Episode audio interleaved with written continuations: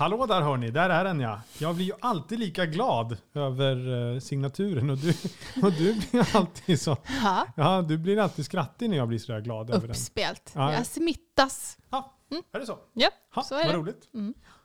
Ja, då var det dags igen då. Kommunikatörerna. Mm, heter podden. Bra att du sa det så tydligt ifall Mm. man inte riktigt... Vi eh, gör en podd eh, för kommunikatörer. På, alla nivåer, eh, överallt i hela Sverige. Mm. Många är det. Mm. Ja, och nu har det blivit några avsnitt och så... Jag tror det är avsnitt fyra nu va? Det bara Ja. rasslar till. Och det är lite roligt faktiskt. För vi har fått lite, det sa jag förra gången också, men nu har vi faktiskt fått ännu flera reaktioner. Mm. Det tycker jag är skojsigt. Det rasslar in via hemsidan kommunikatörerna.se där det finns mejl och grejer. Mm. Och så vårt Insta-konto också då. Mm. Kan, du- kan du det? Eh, ja, kommunikatorerna.se. Ja. För man kan inte ha ö, där. Nej. Nej. Nej. Där finns vi också. Mm. Vi är jätteglada för all feedback. Vi har fått en del tips. Vi kommer plocka upp dem längre fram. Japp. Eh, nu ska vi prata om kris. Men Ja. innan vi gör det eh, så måste jag också bara tipsa om en annan grej. Eh, Förra avsnittet pratade vi om det personliga varumärket. Just det med Mm. Kristoffer Appelqvist. Ja. Eh, och han gav sin syn på saken. Eh, om man är sugen på en lite mer känslomässig redogörelse för vad det kan innebära att använda sig själv eh, som sitt personliga varumärke så tycker jag att man ska lyssna på, det, inte det senaste avsnittet då, men det näst senaste avsnittet av Fredagspodden med Hanna och Amanda, avsnitt 457. Eh, Amanda Schulman har, eh, vad ska jag säga, hon har använt sig själv till det yttersta kan man säga. Och hon berättar om det, om baksidan av det. Eh, de kan vara ganska glättiga och ytliga, men det här är, ja, jag tycker att det är ett avsnitt värt att lyssna på eh, om man vill få lite mer kött på benen kring vad det faktiskt kan innebära. Mm. Mm. Det måste vi lyssna på. Ja. Men först måste man lyssna färdigt på det här avsnittet. Dealen är ju att jag ska få fråga dig om eh, allt om kriskommunikation eftersom du är jäkligt bra på det. Vill du bara inför de som mot förmodan inte vet vem du är eh, berätta lite grann vad du har, vad du har jobbat med och varför du är bra på kris? Jag har ett eh, villkor först för att få ställa upp. Eller för att ställa upp. Och det är att vi tillägnar det här avsnittet en kille som heter Mikael. Mm. som jobbade som omvärldsbevakare på Försvarsmaktens kommunikationsavdelning. Mm. Och som jag har jobbat med i princip alla kriser som jag har gjort. Han är världens eh, bästa kille. Mhm. Men tyvärr så avled han i covid-19 här alldeles före jul. Åh, tråkigt att Mm. höra. Och jag tänker att eh, han han får nog sitta med lite på axeln här under, under det här avsnittet. Gud vad fint. Då tillägnar vi det här avsnittet Mikael. Men då ställer jag frågan igen. Kan du kort beskriva din eh, erfarenhet av kris? Ja, men det kan jag göra. Eh, nu jobbar jag som kommunikationschef på ett fackförbund som heter Officersförbundet. Men dessförinnan så jobbade jag i 14 år i Försvarsmakten. 14 år. Ja, det var ju förstås ett tag. Eh, under huvuddelen av de åren så var jag pressekreterare eh, och ledde arbetet i vårt mediecenter. Och det är dit alla eh, journalister ringer, och särskilt när det är kris då. Eh, och sen var jag, gav jag lite råd då och då till överbefälhavaren och, och så. Eh, men det, det är väl den korta versionen då. Det räcker. Jag känner att eh, du har trovärdighet nog att svara på mina frågor i alla fall. Ja, men en sak ska vi vilja göra klart först. Mm. Man kan ju plugga på högskola och gå massor med kurser och läsa om, om kommunikationsvetenskap och kriskommunikation och sånt där. Eh, här kommer det inte bli några hänvisningar till något sånt. Utan, Inget referensbibliotek. nej, nej, absolut Nej. inte. Utan här är mera den Tengroska magkänslan. Mm. Man brukar ju prata om vetenskap och konst. Och, eh, det här är nog lite mera kriskommunikationskonst som vi kommer få ta del av idag. Då. Det känns superbra. Uh, undrar bara om det här avsnittet kommer uppnå verkshöjd då. Ja, det vet jag inte. Mm. Det får andra avgöra. Men vi kör. Eh, definitionen av kris först. Vad är en kris egentligen? Ja, eh, jag tänker att eh, ofta handlar det om att det är någonting som avviker från det normala. Mm, men det kan ju något roligt också göra. Absolut, det kan det vara. Men, men eh, då är kanske nästa då rekvisit, som en, som en jurist kanske skulle säga då, att det, att det är någon form av trovärdighet som sätts på spel eller viktiga värden som riskeras. Och inte helt sällan har ju krisen också ett inslag av eh, att det är tidskritiskt. Det är Ja. bråttom helt plötsligt. Mm. Alla svaren måste fram nu. Eller det som har hänt är, det är en olycka eller det är ett dödsfall eller vad det nu än är. Och det, då har det ju alltid liksom en, en tidsfaktor i sig. Mm, just det. Och då är kommunikation viktigt såklart. Absolut. Jag skulle bara påstå att det är viktigare än någonsin om vi backar bandet Mm. lite till, eh, ja men, jag vet inte hur många år man ska gå tillbaka, men 20 år tillbaka i tiden eller 25 år tillbaka i tiden. Innan internets tid i alla fall, så kan man väl säga. Mm. Då kunde man ju ha ett, ett delvis annat tempo. Ja, det var då vi jobbade med pressmeddelanden och presskonferenser. Ja. Punkt. Ja, och pressläggning. Mm, just. Eh, idag så är ju, går ju allting så oerhört fort. Mm. Eh, det är så otroligt många eh, olika kanaler eh, som ska fyllas. Dels internt, det är allt från intranät och det är en extern webbplats. Och det ja, men också mediernas alla olika kanaler. Man kan ju få prata med tre eh, reportrar från samma redaktion egentligen Mm. när det väl krisar till sig. För då ringer de ifrån papperstidningen och de ringer från eh, webbredaktionen och de ringer ifrån webb-tv-redaktionen. Ja. Så det är ett helt annat tempo idag än, än vad det, och många, många fler kanaler än vad det var för 20-25 år sedan kanske. Yes. Och så får vi inte glömma bort att eh, människor har fått nya sätt att kommunicera sinsemellan också. Så information kommer inte liksom bara från media, utan det kan komma via ens egna sociala kanaler från håll som man kanske inte Nej, och, hade att hantera. nej, och världen är ju otroligt liten helt plötsligt. Mm. Det är ju inget avstånd, om vi tar då den verksamheten jag har jobbat i mest då, i Försvarsmakten, som ju till exempel har soldater eh, både i Afghanistan och i Mali. Och avståndet mellan eh, någon av de länderna, det är ju bara ett sms bort. Mm. Och det gör ju också att, eh, ja men återigen, tempot drivs ju upp. Mm. Eh, om, då har vi kanske definierat ungefär vad en kris är och eh, att det går fortare nu än, än tidigare. Eh, organisation i kris då? Hur, eh, för, hur förbereder man sig eh, organisatoriskt för att ja, ha på fötterna om det krisar? Jag skulle vilja säga lagom mycket och i samma stund som jag säger lagom så inser jag att det är ju egentligen inte sant. Eh, men med lagom menar jag att man naturligtvis ska ha en eh, krisplan och en kriskommunikationsplan som, som reder ut eh, hur man är organiserad när man övergår till kriskommunikation och krisorganisation, vem som fattar besluten och så. Mm. Jag är inte någon större vän av att man har förberett 150 olika texter i olika, olika sammanhang. Eh, däremot så det som är min stora käpphäst det är att man innan någonting händer ska ha skapat relationer och förtroende i den organisation man verkar. Alltså som kommunikatör menar Ja. du? Mm. Det här är intressant, vi har pratat en del om det innan. Eh, hur, hur gör man det bäst då? För jag menar, det, vi jobbar ju som kommunikatörer i stora och små organisationer. Eh, Va, fin, finns det några tumregler ändå? Genom att gå runt Ja. och säga hallå hallå, här är jag. ja. Snacka med folk. Eh, ha örat mot rälsen, kolla läget. Mm. Eh, se till att, att de vet vem du är och vad du går för helt enkelt. Mm. Och därmed också så lär man ju sig om sin organisation.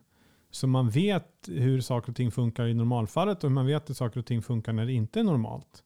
Men det där kräver ju ganska mycket, ganska mycket jobb ju. Mm. Eh, Jag kunde ju faktiskt ha hela dagar när jag egentligen bara gick runt i, i högkvarteret och började kanske på, i en ledningscentral och sen så strosade jag vidare till någon annan avdelning och sånt där. Och, och, Mycket kaffe då eller? ja, nu dricker inte jag kaffe Nej. så det var inget problem. Men, eh, men, eh, nej, men så gick man och kollade läget lite och, och lyssnade av.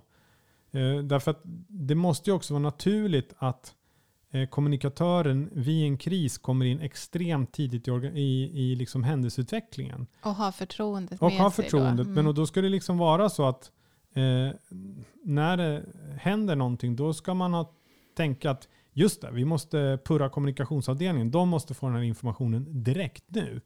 Eh, på en gång. Mm. Liksom i första mötet man har, då ska det vara självklart att ha med en kommunikatör. Mm. För annars är man puck två och då, då blir det inte bra. Nej, jag tror att många eh, känner igen sig baklänges där.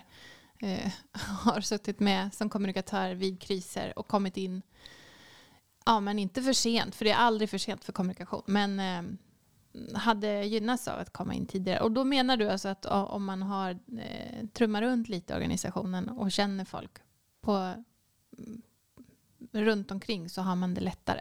Absolut, ja, men då vet ju de vad man går för. Eh, och de råd man ger, de uppfattas som mycket mera trovärdiga eller mycket mera, de blir tyngre om man har en personlig relation till den som man träffar. Mm. Eh, och, som, och som helt enkelt, ja men som jag sa, som man vet vad man går för. Mm. Så det är ju kanske den absolut viktigaste förberedelsepunkten. Lär känna din organisation, lär känna den verksamhet som din organisation bedriver. Mm. Ja, intressant. Se till att ta den tiden för att det kommer gynna dig sen. Jag kan tänka mig att det gynnar all kommunikation, inte bara den som sker när det brinner i knutarna. Nej, absolut inte. För att det, eh, antingen så snappar kommunikatören upp någonting eh, som man kan ju, just det, det där skulle vi kunna berätta om. Eller så är det någon som säger att, jo men du, just det, kul att du kom förbi. Alltså vi funderar, skulle man inte kunna göra något av det här? Mm. Visst. Ja, mysigt. Det här att gå runt så, eh, är det någonting som liksom är en del av din grundfilosofi kring Ja, kommunikation? Ja, men det skulle jag nog vilja säga. Det blev ju så om inte annat. Och sen kan man ju faktiskt utnyttja tiden efter när man har haft kriskommunikation. Eh, då är man ju oftast ganska trött om det har varit ett, ett skeende som har varit otroligt intensivt. Mm. Och då, de dagarna efter det så gör man ju ändå inte så mycket nytta. Eh, då är man ju ganska mentalt slut. Och då är det väl perfekt att passa på och, och gå runt och tjabba lite med folk. Dricka Eh, te. ja, dricka te och samla liksom lite inspiration till nästa gång det händer Mm. någonting. Om vi snurrar tillbaka lite då, organisationen kring en kris. Ehm, det lönar sig att ha en chef som stöttar en, det gör det ju alltid. Men hur ser du på organisation, ledarskapet i kris? Det är alltid bra att ha en chef som är tydlig eller en ledare som är tydlig. Det är ännu viktigare att ha det i, i kris. Men vad som också är otroligt viktigt eh, om man är chef eller ledare, det är ju att man backar upp eh, sin kommunikatör Mm. och visar kommunikatören att man har förtroende för den. Mhm. Därför att eh, det är ju inte helt sällan som det är kommunikationsavdelningen som faktiskt står längst ut på linan och är de som allra först kommunicerar. Och en förutsättning för att man ska kunna bedriva ett bra kommunikationsarbete, särskilt i kris, det är att man känner sig trygg när man agerar. Mm. Man vet att nu när jag säger det här så har jag min chef i ryggen. Eh, och det är tusen gånger enklare, det blir tusen gånger bättre om jag kan känna mig trygg med det. Mm. Än att eh, i intervjusituationen behöva känna osäkerhet kring att om jag säger nu här nu, vad händer då? Åh nej fy, jag vill inte ens tänka på det. Då säger man ju fel. Det blir ju bara... oh. Exakt så. Mm. Och att också chefen genom att vara tydlig att visa eh, förtroende för kommunikatören också talar om det för övriga delar av organisationen att den här killen eller tjejen det är min kommunikatör eller vår kommunikatör. Mm. Eh, den behöver nu, för att den ska kunna göra sitt jobb i den här krisen, så behöver den få organisationens stöd och har mitt mandat att be om att få underlag eller att, eh, att uttala sig i media eller vad det nu än är. Så att organisationen också förstår det. Mm. Eh, för att då går det också mycket enklare när man behöver ha de där eh, svaren på de där frågorna. Och jag tänker också att en sak som är superviktig när man sen ska kastas ut där i pisten och bli intervjuad är ju att man, att man faktiskt vet mer än vad det är man ska berätta om. Just det, att man har en större bild än den man målar upp Ja, i direktsändning. tänk dig en fotbollsplan. Mm. Eh, och det du ska berätta om, det är det som händer eh, på planen. Men för att du ska kunna känna dig trygg i det och för att du ska kunna navigera dig rätt bland alla svåra frågor när du kommer i en tuff situation så måste du också ha koll på vad som händer på avbytarbänken. Just det. Man måste veta något lite mer. Och det här eh, är ju viktigt att chefen signalerar det till organisationen. Eh, stöd kommunikatören här, hjälp kommunikatören. Kommunikatören behöver faktiskt veta de här sakerna. Det är inte ren nyfikenhet utan det är för att man ska kunna göra ett schysst jobb. Mm. Så då säger vi det till alla kommunikatörer. Det här avsnittet får du gärna spela för din chef. Ja, absolut. Ja. Ja, absolut. Mm. Vad bra. eh, trygghet och mod alltså. Det är bra grejer. Ja, det skulle jag vilja säga att det är. Eh, för just kriskommunikation, då kan det ju bli det kan bli känslosamt, eh, både därför att det kan ju faktiskt handla om eh, att det är människor som är svårt skadade, människor som har avlidit. Eh, men det kan ju också vara så att det påverkar människor i en organisation på andra sätt. Mm.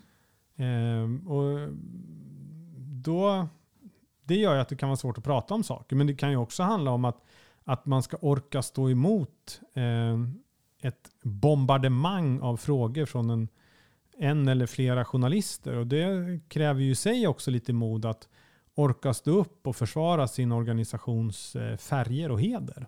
Finns det några vanliga missuppfattningar då kring kriskommunikation och kring hur det bör bedrivas? Ja, men den klassiska missuppfattningen det är väl att man alltid säger inga kommentarer och så är det usch. bra med det. Och det händer ju ska vi ju säga, men kanske inte så ofta idag. Men, men det händer ju ändå att, att organisationer kör den modellen. Men varför är... Jag, jag vet ju att det inte låter bra. Men varför är det inte... Varför är inte det ett bra sätt att kommunicera kris? Nej, men eh, därför att det ju oftast framstår då som att man faktiskt eh, bekräftar indirekt det skeende som, som påstås då. Mm. Eh, Det är tusen gånger bättre att säga att jag kan inte berätta det här därför att det omfattas av sekretess eller för att vi helt enkelt inte vet Mm. just nu. Vi får återkomma till det. Just att erkänna sin egen okunskap tidigt i en kris. Mm. Stå för det. Jag har inte fått informationen än. Jag måste bekräfta det. Eh, det känns ju som något som man inte ser så himla ofta. Men när man ser eller hör det så får åtminstone jag alltid en ganska bra känsla. Det känns som god kriskommunikation. Jo, men sen kan man inte spela på det hur länge som helst Nej. naturligtvis. Men i det initiala skedet så det är ju mänskligt att inte veta. Mm. Eh, och då är det bättre att säga att man inte vet. Mm. Än att eh, säga att man inte kan svara på frågan eller inte vill svara på frågan eller bara försvinna, stoppa ner huvudet i sanden. Mm. Eh, men den håller ju en tid för sen eh, förväntar ju sig människor att eh, en organisation faktiskt tar reda på hur faktaläget är och vad som, vad som händer och sker. Så. Just klart. Huvudet i sanden, inte så länge. Nej, Nej. Alltså egentligen aldrig Nej, tänker jag. bra där. Du brukar prata om något som, kallas för en, som du kallar för en trossväg. Mm. Vad är, vad är det? Alltså, ja, när vi pratade innan så, så nämnde jag att man ska vänja sig vid tanken på en trossväg. Och vad innebär det då? Jo, en, att den informella vägen, just som vi pratade om förut, att det går så fort idag Ja. eh, i informationsspridningen gör ju att om man ska eh, kunna ta initiativ, för det är den som tar det tydligaste och snabbaste initiativet, den kommer också ha informationsövertaget. Mm. Eh, och då gäller det att man som kommunikatör, på olika, man är ju kanske i en stor organisation är man ju på olika nivåer, att man som kommunikatör på en lägre nivå snabbt kontaktar den högre nivån och säger hej, du det har hänt en grej här nu. Jag kan inte säga så mycket mer eh, för att eh, jag vet inte eller jag kan inte på det här sambandsmedlet, eh, jag kan inte säga det här på mobiltelefon eller vad det nu är. Och så här. Men det har hänt en grej, det är bra att ni känner till det. Mm. Då kan man ju som, som på liksom nästa nivå börja förbereda sig på att okej, nu kan det nog blåsa i här. Vi kanske behöver ge vår kollega stöd. Vi behöver genomföra våra egna grejer. Vi kanske måste krisorganisera. Men för att den här kommunikatören eh, ska kunna göra det här så måste ju den ha ett okej från sin chef på det. Mm. Och ofta är det ju så att en chef kanske känner att nej men, eh, nej, jag vill först prata med min chef. Mm. Alltså gå den formella vägen. Eh, och först ska vi ta reda på all fakta. Sen så ska jag, ska jag ringa till, jaga tag på min chef och berätta om det här och så vidare. Men klockan har ju liksom redan startat. Ja. Eh, tiden går ju här nu. Eh, och då är det ju superbra om man kan få sin chef att förstå att det är jätteviktigt att jag som kommunikatör kan ta kontakt med mina kommunikatörskollegor eh, högre upp i organisationen och säga att det är något på gång här. Mm. Och sen kanske det inte blir något. Eh, det rinner ut i sanden eller det spelas ut. Men då har man i alla fall aktiverat den här Ja. trossvägen. Är det så du menar? Ja men absolut, att, alltså, att då, då finns kännedomen där. Det är lite som att brandkåren, de, om jag fattar saken rätt utan att vara brandman, så åker de ju gärna med lite mer resurser först. Och sen skickar man hem en brandbil. Mm. Eh, för att okej, det, det behövdes inte två brandbilar här, det räcker med en. Ja, men då kan den andra åka tillbaka och så kan man göra något annat. Eh, än att vara en brandbil och så ser man, åh jäklar, här brinner det. För då måste man ju vänta på att brandbil nummer två ska komma. Så det, jag gillar ordet förtänksamhet. Det här är lite förtänksamhet, att man tänker steget före och ligger lite steget före för att eh, på så sätt vara beredd på om det värsta händer. Då kan det väl också ha varit en fördel att man känner sin organisation på det där sättet som du pratade om tidigare. Att man har gått omkring och att man kanske känner om det finns många kommunikatörer att man har kännedom om varandras enheter. Och så Ja. Mm. Jo, men och framförallt också att man, har, eh, att man har det där förtroendet hos sin chef. Så att när chefen får den här första rapporten, säger så här, "Ö, eh, kom, nu behöver kommunikatören vara med när man sätter sig och snackar. Eh, det här har hänt, jag har precis fått reda på det här. Bra, säger kommunikatören. Eh, då ska jag bara kontakta mina kommunikatörskollegor här och säga att något är på gång. Mm. Ja, gör det. Vad bra, härligt. Just att blanda in en kommunikatör behöver inte nödvändigtvis betyda att det ska kommuniceras. Nej, och det där är ju en vanlig missuppfattning som jag tycker är jättesorgsen eh, att höra. För jag tror att de flesta kommunikatörer någon gång i karriären har fått hört när de har kommit in i ett rum på något möte att eh, någon har skämtat och sagt så här, "Ha, nu kommer Aftonbladet, nu får vi byta Mm. samtalsämne eller något sånt där. Mhm. Eh, och eh, liksom indirekt eh, eh, ju påstår då att kommunikatören är, i samma stund kommunikatören eh, kommer in i rummet, då är en fråga offentlig, då är frågan ute. Mm. Eh, och det är ju faktiskt inte sant. Nej, verkligen inte. Jag tror inte att man skulle säga så, eller jag vet att man inte säger så om andra verksamhetsdelar som kommer in i ett rum. Utan det där är någon form av, jag vet inte, osäkerhet, dålig humor, det finns alla möjliga varianter. Lite okunskap Otrygghet, okunskap, Mm. otrygghet. Eh, nej men att kommunikatören är med, det betyder absolut inte att en fråga ska kommuniceras. Nej. Ja, det är bra att vi klargör det tycker Ja, jag. Mm. rådet faktiskt från en kommunikatör skulle ju kunna bli att det här ska vi inte prata om. Precis, det rådet har man ju gett ett antal gånger. Ja. Eller eh, ja, vi kan prata om det, men inte på det här viset. Eller inte just nu eller vad det Ja. är. För det kan missuppfattas. Ja. Mm. Du har pratat mycket med media ju. Mm. Finns det saker som man absolut inte bör säga? Eller sätt som man absolut inte bör uttrycka sig på? Alltså, vänd på frågan istället. Vad får man säga? Mm. Och jag tycker att man i så mångt och mycket som möjligt ska kalla eh, en spade för en spade. Jaha, Alltså, eh, linda inte in. Säg som det är. Eh, saker och ting kan göra ont. Men det är bättre att säga som det är. Sen kan det ju finnas en massa om och men till att man inte kan säga vissa saker. Det kan ju vara frågor som omfattas av sekretess eller något sånt där. Va? mm. Men, men eh, det är bättre att säga som det är. Mm. För det är klart att det gör ont och svider kanske just då. Men, men det går över betydligt fortare. Samtidigt är det livsfarligt att säga ut, ut, ut. Man får göra en bedömning naturligtvis. Men, men jag tror att det är bättre att man är lite mer framåtlutad och eh, tar initiativet än att sitta och vänta på att bli överkörd. Mm. Och om vi ska koppla tillbaka till förberedelse då så är det ju såklart bättre om man eh, från kommunikatörshåll har kommunicerat med andra delar i sitt företag eller i sin organisation kring vad gör vi om det skiter sig. Ja, absolut. Och också att man innan, om man hinner det, eh, talar om för organisationen att nu kommer vi kommunicera. Mm. Vi kommer kommunicera det här och vi gör det av det här skälet. För det finns ju, eh, om läget är så, den som har bäst helikopterperspektiv kanske sitter, det är ju inte alltid så, men kanske sitter högre upp i organisationen som kan se alla delar Mm. Eh, och konstatera att nu måste vi berätta om den här saken. Mm. Och då kan det ju finnas andra delar av organisationen som känner sig att nej, men jag vill absolut inte att man pratar om det här. Det här är ju jättehemligt eller vi har ju inte hunnit med att göra de här sakerna. Men att man också är tydlig med och förklarar att jo men nu måste vi berätta om den här grejen. Därför att de här och de här sakerna, andra sakerna händer.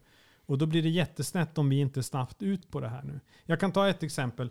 Eh, 2014 så bedrevs det en underrättsoperation i Stockholms skärgård. Just. Eh, man letade efter främmande undervattensverksamhet. Mm. Eh, och då var det ju en eh, kvällstidning som hyrde en helikopter.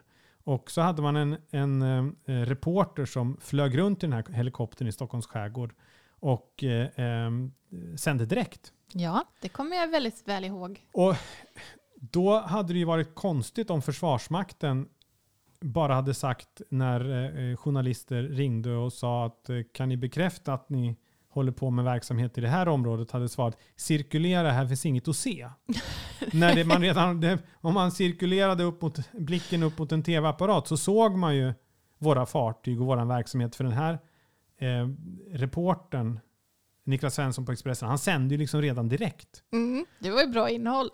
Ja, inte riktigt. Men, men, nej men, och då är det dumt att, det är bara dumt då att hålla emot. Mm. Även om det kanske fanns delar då av organisationen som, och i grunden så är det så att det är klart man inte ska, kanske ska berätta om vad man, vad man gör eller var man befinner sig. Men i det här fallet var det så uppenbart vad som hände. Det syntes ju redan på tv. Så att hålla emot där och, och, och säga att det inte hände någonting på den platsen, det var ju bara knasigt. Liksom. Så det gjorde inte Försvarsmakten då antar jag? Nej, vi höll inte emot det, Nej. utan vi bekräftade att ja, det är helt riktigt, vi är ju där. Ja. Fast om vi hade fått välja själva så hade vi kanske inte gjort det. ja. Men eh, då var katten redan ur påsen? Ja, eller visst. vad? Ja. Ja, Mm. katten ur lådan. Ur lådan? Ja, det ja. är ett av mina favorituttryck faktiskt. Katten ur lådan. ja. Och då är det ju bara dumt när alla ser att den är den ju det. Ja. ja. Ja, men tydligt och bra exempel. Då, du var inne på det. Jag tycker ändå att vi bör beröra det lite mer. Intern kommunikation i Mm. samband med kris. Mm. För det är ju lätt att man eh, tittar ut eh, och eh, beroende på vilken typ av verksamhet man bedriver såklart. Men att man vänder sig ut kanske mot sina eh, kunder eller vad det nu, vad det nu är. Och media och sådär. Eh, internt då. eh, Man bör ha liksom ett tankespår kring intern kommunikation när det börjar krisa. Det är klart att man måste informera internt också. Eh, sen när man lägger sina resurser så tror jag att det är ganska naturligt att tyngdpunkten, om det är en riktig kris, Mm. en stor ordentlig tyngdpunkten kommer ju, kommer ju vare sig man vill det eller inte hamna på den externa kommunikationen. Men, men man, får, man får liksom inte glömma bort internkommunikationen. Eh, och då tänker jag så att många gånger kanske man får nöja sig med att man faktiskt internt säger att om en stund så kommer en ny text på webbplatsen, på vår externa webbplats. Titta där. Mm. Eller för det bästa är ju om man hinner lägga ut den först kanske, om man har möjlighet på, in, på sitt intranät eller vad det nu än är. Mm. Men framförallt att man åtminstone talar om att nu kommer det här att hända. Just. Och har man då dessutom, som jag var inne på tidigare, tid att förklara internt eh, varför man väljer att göra på ett visst sätt så är det superbra. För då får man ju helt plötsligt organisationen med sig. Mm. Men sen tycker jag att det är lika viktigt att man informerar uppåt i gasverket. Eh, sin uppdragsgivare eller så. Jobbar man i en myndighet till exempel så, eh, så myndighetens uppdragsgivare det är ju regeringskansliet. Mm. De kommer ju garanterat att få frågor om det är något av en stö- större kaliber. Eh, och då gäller det ju att de också har koll på, på besticken och vet vad som händer. Och förhoppningsvis kan backa upp myndigheten eh, i myndighetens eh, arbete. Så att man inte har en, en politisk nivå som, som sticker iväg åt något håll. Mm. Eh, och så får man helt plötsligt ett tvåfrontskrig att man, som man ska hantera. Därför att eh, man på grund av bristande fakta så kanske ens uppdragsgivare säger någonting eh, som inte blir jättebra. Liksom. Så Jag tänker att det är lika viktigt att informera uppåt som det är att informera neråt. Mm. Eller inåt. Eller inåt. På, ja. Ja, absolut. Mm. Ha. Ja, det är klart att det är många som sitter och jobbar med kommunikation så. Att det finns en högre uppdragsgivare också. Det har jag inte ens... eh, Nej, men alla har ju en chef på något sätt. Ja, nästan alla. Nästan alla. Ja. Om vi går tillbaka lite till ledarskapet då. ehm, och eh, rådet att inte stoppa huvudet i sanden. Att, att ha eh, information eh, och att sitta på den är ju på något vis också ett maktmedel. Det kan vara svårt på många håll i organisationen att, att kommunicera för att man också känner att man släpper kontrollen. Är du med på vad jag Mm. menar då? Hur kan man göra för att motverka det? Jag skulle vilja säga att i en kris tror jag inte att det handlar så mycket om. Då handlar det nog mer om du säger, eh, som du säger om, om kontroll än makt. Eh, att man tycker att det är jäkligt läskigt. Om vi nu säger det här, vart tar det här vägen? Men jag vill gå tillbaka till det här igen då. Att, att det handlar om att, att den som fattar beslutet om att kommunicera eller inte, att den människan känner sig trygg i de råd som, som kommunikatören ger. Eh, trygg i att rent personkännedomsmässigt, men trygg också i att veta att kommunikatören har faktiskt eh, tillgång till all information, har satt sig in i den här frågan och vet därmed att det är ett, att det är ett väl genomarbetat råd eh, att kommunicera. Men också att man som kommunikatör beskriver vad som händer om man inte kommunicerar. Det här, och det är ju i och för sig lite rita, gissa, spring. Eh, därför att man kan ju faktiskt inte veta exakt vad som ska inträffa. Nej, men man kan ju se vissa risker. Exakt, och de får man ju försöka beskriva då att okej, även om det nu känns otroligt otäckt att göra det här just nu, så, så det kommer inte bli bättre av att vänta. Nej. Jag som spenderar en del tid eh, på sociala medier och i digitala kommunikationsflöden, eller vad ska jag säga. Jag kan ju också se att eh, det kan, eh, i händelse av kris, stor eller liten, så kan det utvecklas eh, separata tankespår, idéer i sociala medier. Eh, är det också sånt som du tänker att man ska ta hänsyn till när man tänker sådär? Ja, det är klart att eh, man måste göra det. Eh, sociala medier är ju liksom kanaler som inte fanns förr, som i allra högsta grad lever idag. Eh, och då bygger det ju på att man, man, man måste, dels kan man ju tänka innan, vad händer? Var, om vi bara släpper den här informationen, vad kommer den ta vägen? Men sen gäller det ju att kontinuerligt följa upp eh, och ge mer information ju, mer, ju längre ett skeende går.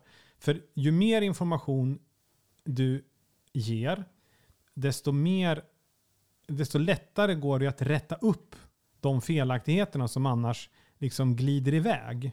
Alltså det som, som kommer utifrån, som hittas på. menar Ja. Mm, Eh, hör man ingenting, då börjar ju spekulationerna. mm. Och då är det bättre att ibland säga så här att eh, vi vet inget mer just nu.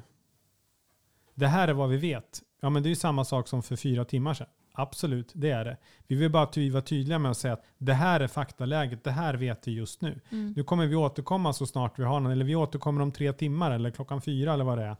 Och då ser vi om vi har mera information. Så att Kan- man, att man liksom matar på. Kan det också vara ett sätt att visa att man tar krisen på allvar? Absolut. Ja men absolut, så är det. Sen tycker jag att det finns ytterligare en, en svårighet idag. Eh, och det är att det är väldigt få sammanfattningar. Om du tittar dig runt i olika kanaler, oavsett om det är sociala medier eller om du tittar på, på eh, nyhetsredaktioners webbplatser, så allting, inte allt, men nästan allting handlar om här och nu. Mm. Man har eh, live-rapporteringar och så vidare. Och så vidare. Och det gör också att man måste återupprepa sin information eh, som man har. Därför att det finns inte någon som stannar upp och paketerar det här. Ja, just det. Ja. Eh, om du tänker dig när det då på den gamla goda tiden, om det nu var den goda tiden vet inte jag, men på den gamla tiden när tidningen kom ut på morgonen. Mm. Så där var det en sammanfattande artikel av vad som hade hänt. Men det, och det kom ju tidningar idag också, men skeendet ser inte ut så. Det är ingen som stannar upp och tar ett djupt andetag och sammanfattar, utan den här live-rapporteringen den fortsätter hela tiden.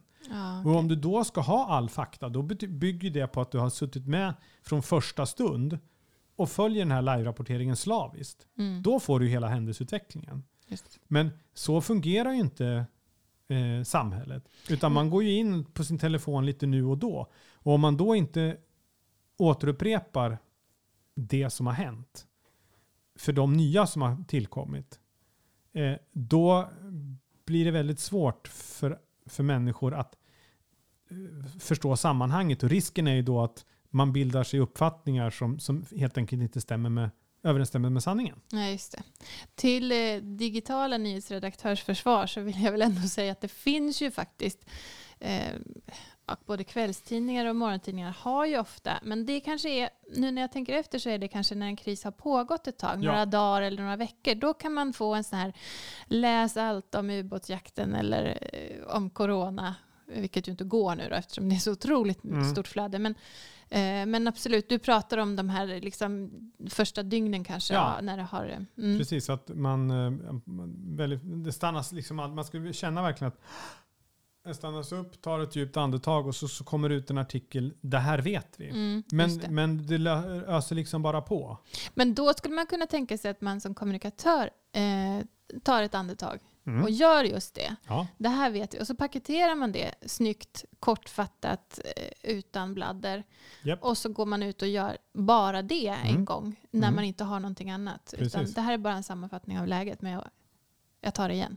verkligen. Mm. Absolut. Har du någon favorit, någon krishanteringstaktiker, eh, taktiker, höll jag på att säga. Någon som har gjort ett riktigt bra jobb? Alla minns väl eh, Lottie Knutsson där i tsunamin. Mm. Eh, hur hon som kommunikationschef på fritidsresor tog steget fram och Mm. liksom eh, ledde hela Sverige genom traumat eh, tsunamin Mm. när eh, politiken lyste med sin frånvaro. Mm. Hon var modig och man kan anta att hon hade sin, sitt företag i ryggen när hon gjorde det. Verkligen. När jag tittar på tv eh, och ser folk som hanterar kris, för det händer ju då och då, så har man ju ofta, i alla fall jag har en ganska stor medkänsla med dem. Men jag tycker att, eh, givet det du har sagt nu, att det ofta skiner igenom om man är trygg, inte som människa eller som person, utan om man är trygg med sin organisation och sitt budskap Mm. att det också syns. Eh, man kan bli tagen på sängen då, men man kan ändå vara trygg och säga det vet jag inte, det kan jag inte svara på än. Eh, men däremot eh, om man är liksom utknuffad. Jag ser ibland eh, pressisar som står och det känns som att de står på plankan. Alltså, Mm. eh, är du med på vad jag menar? Ja, ja, absolut. Ja, och det är ju inte kul. Och så kan man ju alltid fundera på varför står de på den där plankan? Mm. Är det för att de har blivit utknuffade för att ingen annan vill att vill svara på frågorna och så bestämmer man att vi låter kommunikatören göra det? Eller är det eh, känslan av att eh, man inte liksom känner trygghet och stöd från sin egen organisation? Mm. För den, alltså jag återkommer till den, den är, för mig är den i alla fall superviktig. Mm. Eh, att man känner att man kan ha lite svängrum och därmed så blir man tusen gånger bättre. Jag kommer ihåg en gång jag skulle göra en, en, en svår intervju och fick ett sms ifrån eh, min chef. Och det stod bara du vet vad du måste göra. Mm. Och jag visste vad jag var tvungen att göra och jag gjorde det. Men jag hade inte kunnat gjort det med, den, med sån emfas och med sån trygghet och våga skoja i den intervjun eller våga skratta som jag gjorde. Skoja gjorde jag väl inte men jag skrattade väl i alla fall i den intervjun. Mm. Om jag inte hade fått det där smset. Nej. För då visste jag, kör. Det är bara att åka på. Mm. Det var någon som hejade på dig uppifrån så att säga. Absolut. Mm. Och därmed, som, som också gjorde att jag kände att om jag misslyckas så kommer den individen också säga han gjorde sitt yttersta. Mm. Det är liksom motsatsen till det som man som förälder övar sig på att, att, inte, att inte säga åt sitt barn vad den inte ska göra. Säg inget dumt nu. Det hade ju varit ett sms som du kanske hade inte vuxit av så mycket. Inte direkt, nu var det tvärsom. Mm. Kör på bara, Eh, jag finns här liksom. Mm. Och, och, det är ju, och då blir man ju bra per automatik, Mm. tänker jag. Mm. Men nu pratar du som att eh, kommunikatören är den som också ska ut och prata med media eller eh, ja, hålla den kontakten. Det vet vi ju att när det krisar så är det ju vd man vill prata med eller, eh, eller, eller vem det nu är som ansvarar. Det är ansvariga man vill åt. Ja, eller den längst ner i organisationen som drabbas eller Just arbetskamrater. Eller så. Just det. Mm. Eh, hur tänker du där då? Ja, alltså kommer man... Här måste man, tänker jag, skilja på, på, på begreppen lite. Eh, för det första, så jobbar man i en myndighet till exempel, så har man ju sin meddelarfrihet, grundlagsskyddade meddelarfrihet. Mm. Eh, det finns ett efterforskningsförbud och allt sånt där. Den, den är, det är ju untouchable Det är naturligtvis. heligt. Ja, men det är ju heligt. Så Ja. enkelt är det. Och det måste man respektera och det måste man hantera. Men ur ett strikt kommunikativt perspektiv så kan det ju ibland finnas tillfällen då man ju helst vill att det bara är en individ som pratar. Mm. Och det kan man ju bestämma. Det är klart att även om reportrarna känner att de vill prata med chefen eller med eh, den längst ut på linan så måste man ju också som organisation ibland säga att det är inte läge för det just nu. Därför att den individen är inte till, tillgänglig. Eh, men sen tycker jag att man ska försöka släppa fram så många som möjligt. Jag vet att eh, eh, någon som har beskrivit det, jag tror att det var Gylander som jobbade som eh, kommunikationschef på Stockholmspolisen under väldigt lång period, som liksom prickar på en karta. Att det är bra att så många som möjligt berättar i organisationen sin story, för tillsammans så bildar ju det liksom som ett, ett landskap eh, eller en tavla och, och det blir bra. Liksom. Mm. Och jag tycker att absolut, eh, det är ju en bra grundfilosofi. Men man måste också ha klart för sig att vid vissa tillfällen och i vissa lägen så måste det helt enkelt vara så att det är antingen någon pressis eller en annan talesperson på lagom nivå som man har utsett som är eh, organisationens officiella talesperson.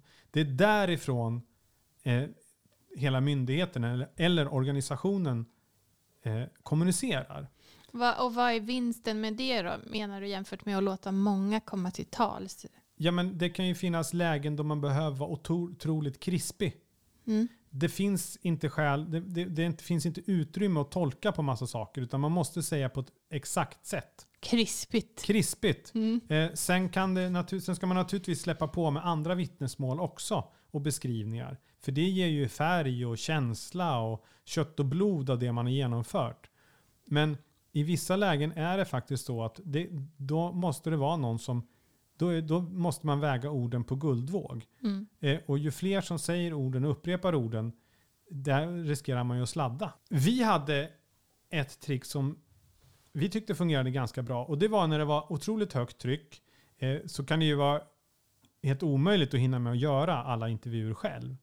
Men den som, skulle, den som tog den, de första intervjuerna lyssnade alla andra på. De samlades runt eh, och hörde intervjun och kunde ju därmed sen lätt säga samma sak. Mm. Ja, men det är ju en... eh, Det är väldigt handfast. Ja, det, var, det funkade ganska bra. Mm. Så man, lyssnade man på två intervjuer och sen visste man ju, okej, det är så här låter, det är så här skivan ska låta. Under förutsättning får jag säga då att den personen är krispig från början. Absolut. Nu har vi pratat om kriser som någonting som brinner till, eh, kanske varar några dygn. Eh, men det finns ju den typen av kriser som varar längre än så, där corona är ett onämnbart, eller icke onämnbart exempel. Eh, uthållighet och kriskommunikation. Berätta vad du kan. Nej men det där är ju superviktigt och jag tänker att om vi tar pandemin nu så har ju den nästan varit så lång så att den har ju blivit ett nytt normalläge. Mm. Alltså att eh, nu måste organisationer förhålla sig till att så här ser verkligheten ut under en nästan oblickbar framtid. Eh, och man måste bemanna efter det. Eh, men tar man en kris som är något kortare än en pandemi, att säga, men Mm, mm. men en, en, så, så är den, det kan ju vara, några dygn den kan ju sträcka sig över två veckor. Men, men att man redan tidigt där tänker på nästa steg, rent kommunikativt naturligtvis. Okej, vad gör vi sen då? Eh, Men också bemanningsmässigt.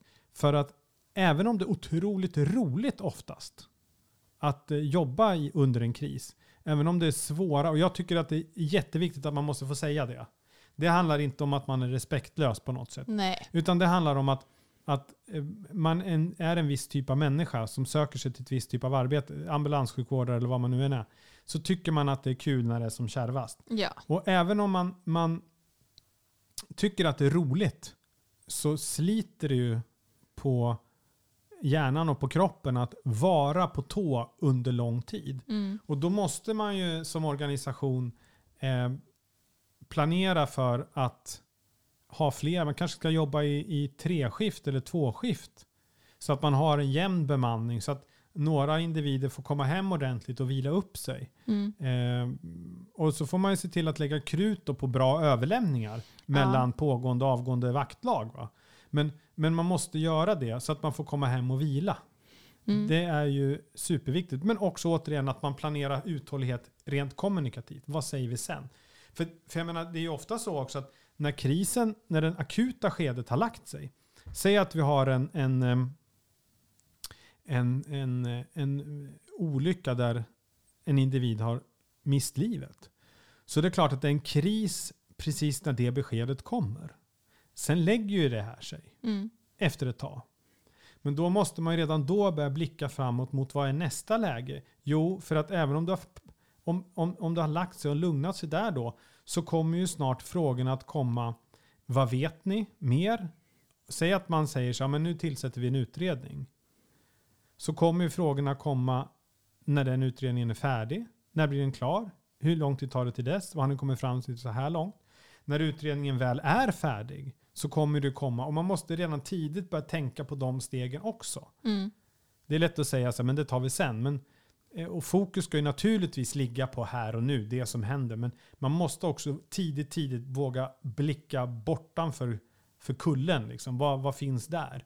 Och vad har vi att möta? För att det vi också säger i den akuta fasen, det måste vi också kunna vara beredda att hantera i eh, slutskedet, i nä- eller i nästa skede. Just det, det vi berättar nu, det berättar vi för att vi måste. Men det kommer också väcka reaktioner som vi kanske får ta hand om om en vecka. Ja. Eller, mm. Absolut. Åter, om vi går tillbaka till det här med Attendo, Mm. vårdbolaget Attendo.